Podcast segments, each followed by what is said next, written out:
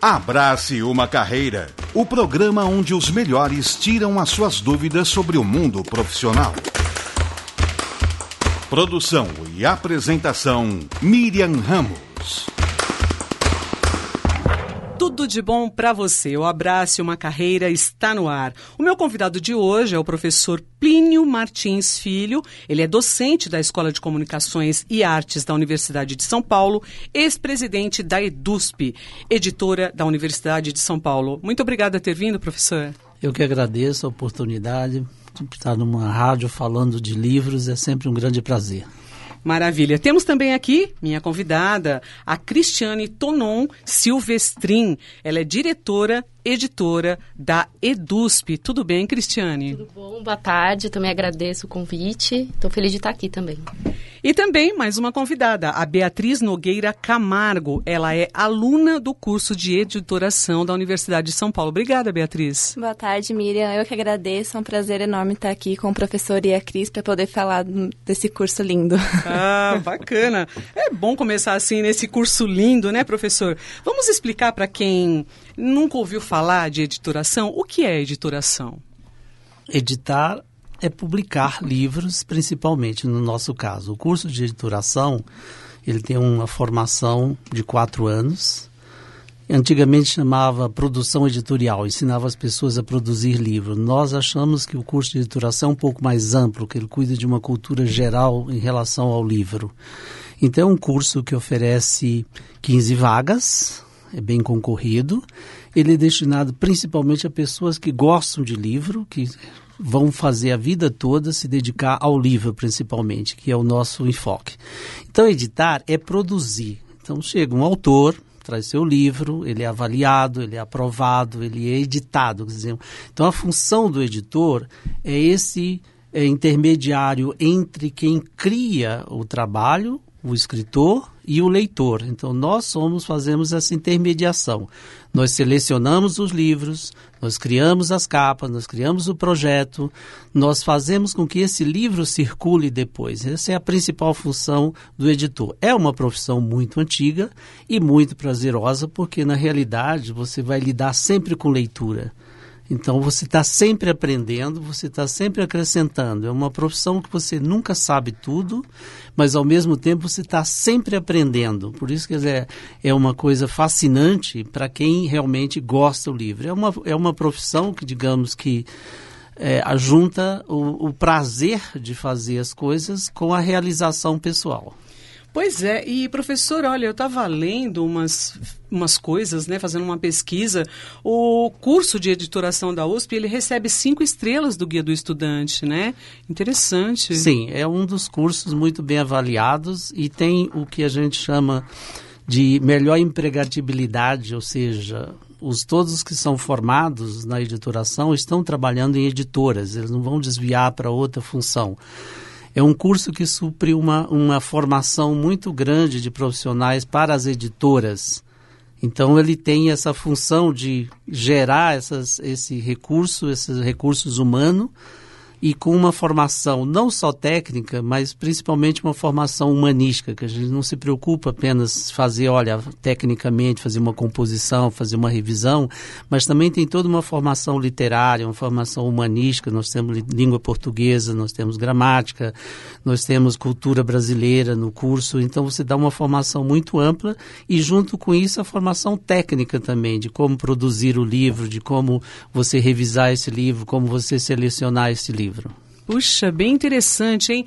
Vamos lá, professor, você sabe que tem alunos da Universidade de São Paulo que também têm dúvidas, estão curiosos sobre a profissão uhum. e eles vieram aqui fizer, fazer perguntas para você. Vamos lá. É, meu nome é Amanda, tenho 19 anos, sou estudante da USP e minha pergunta para o professor Plínio é, eu queria saber como é a rotina dele como editor e quais são algumas tarefas do dia a dia dos formados em editoração. Boa, Amanda a rotina de um editor é sempre estar lendo. Eu durmo e acordo com livros.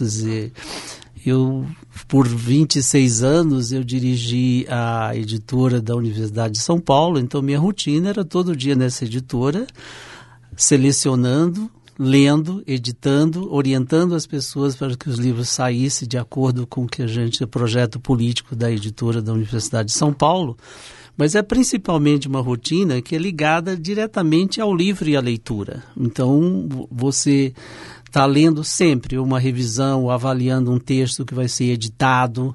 Essa é uma rotina de qualquer editor, que ele está sempre em contato com a cultura escrita, principalmente, né? Quer dizer, e nosso curso, principalmente, ele é um curso ligado mais a, a, ao impresso, não que a gente despreze a parte não impressa do livro. Mas a rotina é isso, quer dizer, você pode chegar a estar lendo uma um, livro para avaliar se vai publicar ou não, você pode estar lendo uma prova, você pode estar lendo uma, revisando uma tradução. É uma rotina, pode estar conversando com os autores, conversando com, com as pessoas, os profissionais ligados ao livro. Ou seja, é uma coisa que é dia e noite a gente vive. Quer dizer, você não consegue é, se desvincular. O grande perigo de quem vai realmente trabalhar com livro é isso, que você fica tão viciado que é o dia e noite você chega em casa é livro, você chega no serviço é livro, você chega na escola é livro, a vida toda é em relação ao livro. Nossa. Então a nossa rotina é essa, a rotina de editor é isso, cuidar realmente de editar os livros para que o leitor receba ele de uma forma muito bem produzida, bem revisada, que não tenha nenhum problema. Essa é a nossa função, esse, esse, esse mediador entre o, o criador, que é o autor, e o leitor. Professor, eu queria saber assim, quando aquele livro não é ah, não é muito bom, aquele texto. Como é que você faz? Você vai até o final? Como não. é que é o trabalho do editor nessa parte? Na realidade, quer dizer, toda editora tem um processo de seleção. Então, quem vai enviar um livro para uma editora, ele primeiro tem que saber, o, o escritor, para que editora ele vai mandar, porque cada editora tem sua política. Por exemplo, na editora da Universidade de São Paulo é uma editora acadêmica, então não adianta a pessoa mandar poesia não vai mandar esse tipo de coisa, não vai mandar o livro didático, ele vai mandar uma, uma tese de mestrado, doutorado, uma livre docência. Já na editora da escola, quer dizer, que é a Coarte, que é onde a, a, nós trabalhamos e damos aula, ele recebe textos originais de pessoas, de autores novos. Nós temos uma coleção que chama Primeira Impressão, que é para dar oportunidade para que o, a pessoa que tenha o seu primeiro livro seja publicado gratuitamente, com assessoria e com os cuidados que deve ser. Agora, é claro que o editor, numa editora grande, ele não tem condições de ler todos os livros que chegam ele eh, recorre a pareceristas especializados, no caso de uma editora é, universitária. Se é um livro de física, a gente pede um parecer para um especialista na física. Se é um livro de literatura, para de literatura. E esse parecer depois é julgado por uma comissão. Na escola, nós temos matérias que seleção de textos, é dado pelo professor de Paula, que ensina como selecionar os textos, avaliar, como você avaliar os textos. O editor de uma editora pequena, ele vai ler também e ele se ele é 10 páginas, ou já, ele, em 10 páginas ele já deduz se é um texto criativo, se é um texto adequado, ele pode orientar, ele pode recusar, ele pode é, orientar essa pessoa para reescrever de uma outra maneira. Que interessante. Vamos saber então da Cristiane Tonon Silvestrin, que é a diretora, editora da EDUSP. Sua rotina é basicamente essa: ler livros de manhã, de Exatamente, tarde e de noite. É. Exatamente. A gente, lá no departamento editorial, a gente cuida de toda a vida do livro, toda a produção, é, desde o original, desde que o autor entrega aquele original mais simples em Word, até uh, temos o livro impresso mesmo. Então, o nosso dia a dia é basicamente transformar um, original simples num objeto, enfim, que é o livro, que é o que vai ser vendido. Uhum. Então, o nosso dia a dia é, é bem isso. A gente é, pega o texto original, faz a preparação de texto, que é a primeira leitura, onde são corrigidos os, os, os erros, é, a gente avalia as imagens que vão entrar, se tem direitos autorais envolvidos ou não a gente decide se o livro vai fazer parte de alguma coleção ou não. No caso do EDUSP, a gente tem várias coleções, então, dependendo do tema, a gente encaixa numa coleção. Então, a gente já tem um projeto gráfico já pronto, um projeto editorial já pronto para aquele volume. Então, e, e, e, todos os produtores, a equipe é pequena, mas todos os produtores trabalham com isso. Alguns também são mais especialistas em revisão. Então, a gente tem um departamento de revisão.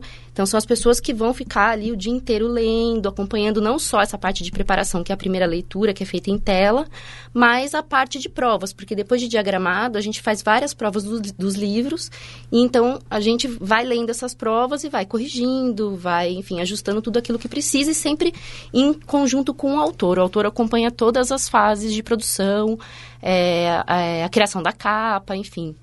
E a gente também tem que ir em gráfica também, a gente costuma acompanhar a impressão dos livros, assim, principalmente aquele que, os, que exist, é, os que exigem bastante qualidade, né, que são às vezes é, livros de arte, que a EDUSP também publica, a gente vai até a gráfica, acompanha, então é todo o processo, toda a vida mesmo, a gente acompanha ali dentro. Que delícia! E por que, que você se interessou por essa área, Cristiane? Nossa, quando eu prestei editoração, eu assim, eu sempre gostei muito de livros. E quando eu prestei, eu tenho que ser sincera que, assim, eu não sabia muito bem o que fazer. Porque o curso, assim, acredito que muitos alunos entram assim, né? A gente não tem muita ideia. A gente gosta de livro, gosta de ler e... Ah, quero trabalhar editora, eu quero trabalhar com isso. Então, eu prestei na época, mas sem saber muito. Até tinha na minha cabeça que eu queria muito trabalhar com revista. E só que assim, já no segundo, terceiro ano, na realidade, do curso, eu fui estagiar na EDUSP. E comecei a estagiar diretamente no departamento editorial, que é o setor de produção. E aí me apaixonei mais ainda por livre, enfim, continuei na área, depois me especializei também em produção gráfica, que é a área que eu mais gosto, assim, mais do que de texto. Então, foi uma coisa que foi levando, uma coisa foi levando a outra, né? Eu prestei o curso, ninguém sabia que o curso existia. Eu era Sofri, nem existia bullying na época, mas eu sofri bullying no colégio, porque o pessoal não sabia o que era editoração, né? Até hoje, acho que muita gente não sabe o que é o curso de editoração. Então, é, o pessoal, mas o que é editoração? É, o pessoal achava que era biblioteconomia, tá? Eu tinha que ficar explicando para todo mundo. Tem gente da minha família que acha que até hoje não, não sabe o que é editoração. Mas acho que uma das, das, das coisas legais é que a gente pode ficar explicando para as pessoas e cada vez mais explicar, não, o editor faz isso, né? Porque as pessoas realmente muitas vezes não têm ideia do dia a dia, né? Cristiane, Cristiane, o que, que, você escolheu pra tá gente bom, ouvir? Eu vou pedir então Os Infernautas do grupo Língua de Trapo.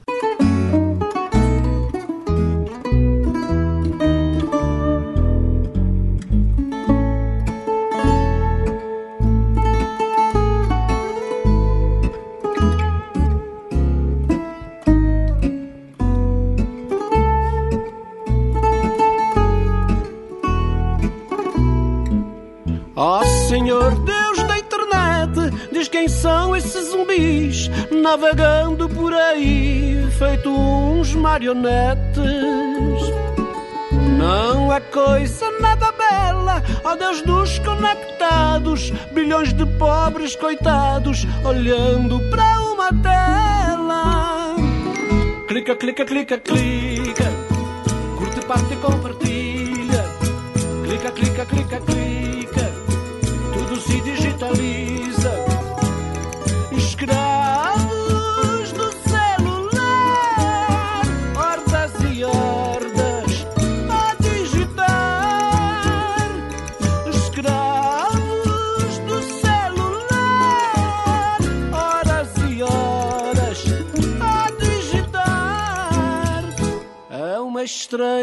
escravidão que desvaloriza o homem até na hora que comem, eles clicam a refeição.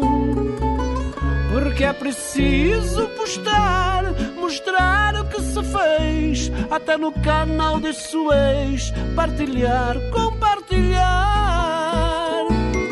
Clica, clica, clica, clica, curte, parte, compartilha. Clica, clica, clica, clica, digitaliza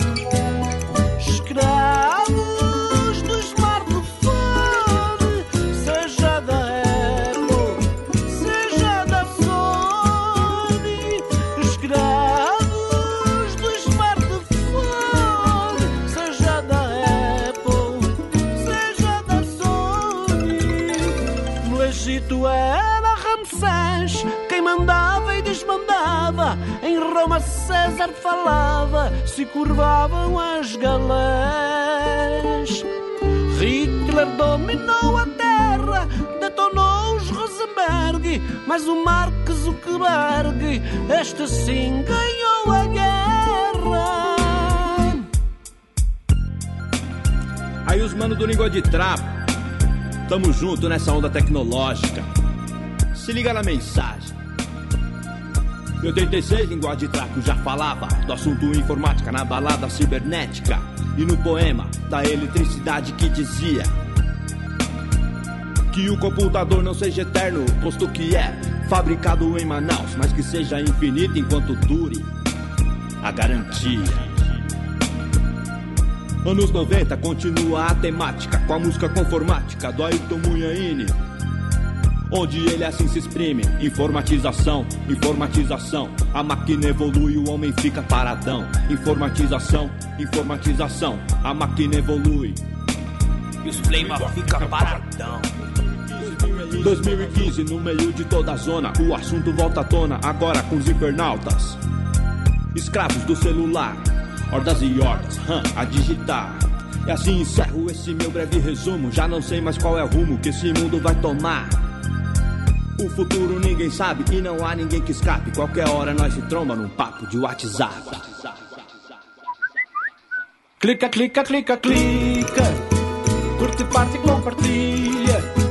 Clica, clica, clica, clica. Tudo se digitaliza.